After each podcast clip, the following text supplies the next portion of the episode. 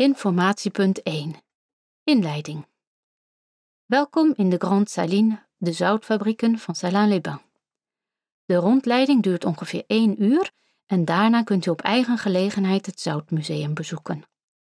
Wij verzoeken u om steeds bij de gids te blijven, zodat u het hele museum kunt bekijken. Om veiligheidsredenen even een paar punten. Een deel van de rondleiding bestaat uit een bezoek aan de onderaardse gewelven, die bereikbaar zijn via een trap van 50 treden. De temperatuur is er altijd 12 graden. U zult ongeveer 30 minuten doorbrengen in dit gedeelte van het museum. Wees voorzichtig, want de ondergrond in de gewelven is oneffen. Wij verzoeken u ook uw kinderen steeds goed in de gaten te houden. Tot de rondleiding met de gids begint, kunt u alvast een indruk krijgen van het museum door de inleidende expositie te bekijken. De informatie die u nu gaat horen komt overeen met de informatieborden en voorwerpen die te zien zijn in de inleidende expositie. Als de rondleiding begint voordat u de tijd hebt gehad om alles te beluisteren, vragen wij u eerst de groep naar beneden te volgen en naar informatiepunt 2 te gaan. U kunt desgewenst na de rondleiding hier bij de inleidende expositie terugkomen. De zoutwinning die u zult gaan zien is al bijna 1200 jaar in bedrijf. Zout was zeer waardevol en onontbeerlijk voor het menselijk bestaan. Hierdoor was Salins in de middeleeuwen een van de belangrijkste steden van de regio, de Franche-Comté.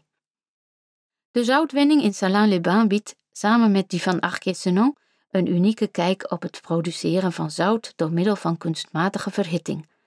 Vandaag de dag staan de beide locaties samen op de werelderfgoedlijst van de UNESCO.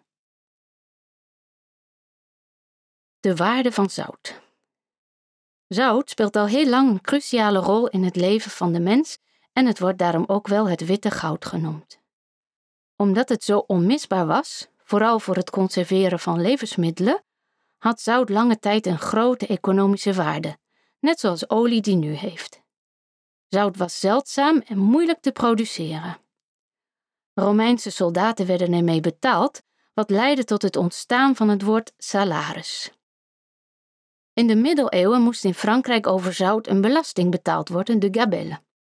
Ook vandaag de dag speelt zout in zijn verschillende vormen nog een heel belangrijke rol, maar omdat het niet meer zo zeldzaam is en er andere methoden bestaan voor het conserveren van levensmiddelen, spreken we niet meer van het witte goud, maar van een smaakversterker.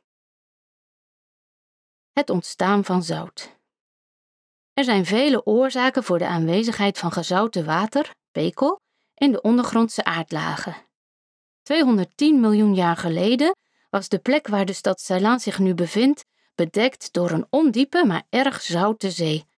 Door de tijden heen is deze zee opgedroogd en er is een dikke zoutlaag achtergebleven op wat vandaag de dag een diepte van gemiddeld 250 meter is.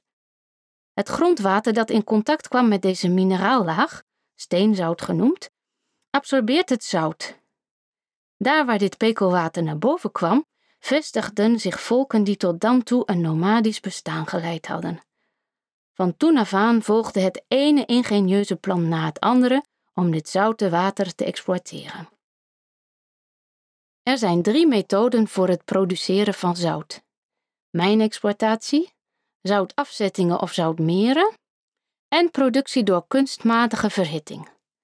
In deze streek, de Franche-Comté, en vooral in Salins wordt al 1200 jaar deze derde techniek toegepast: het produceren van zout door het verdampen van zoutwater.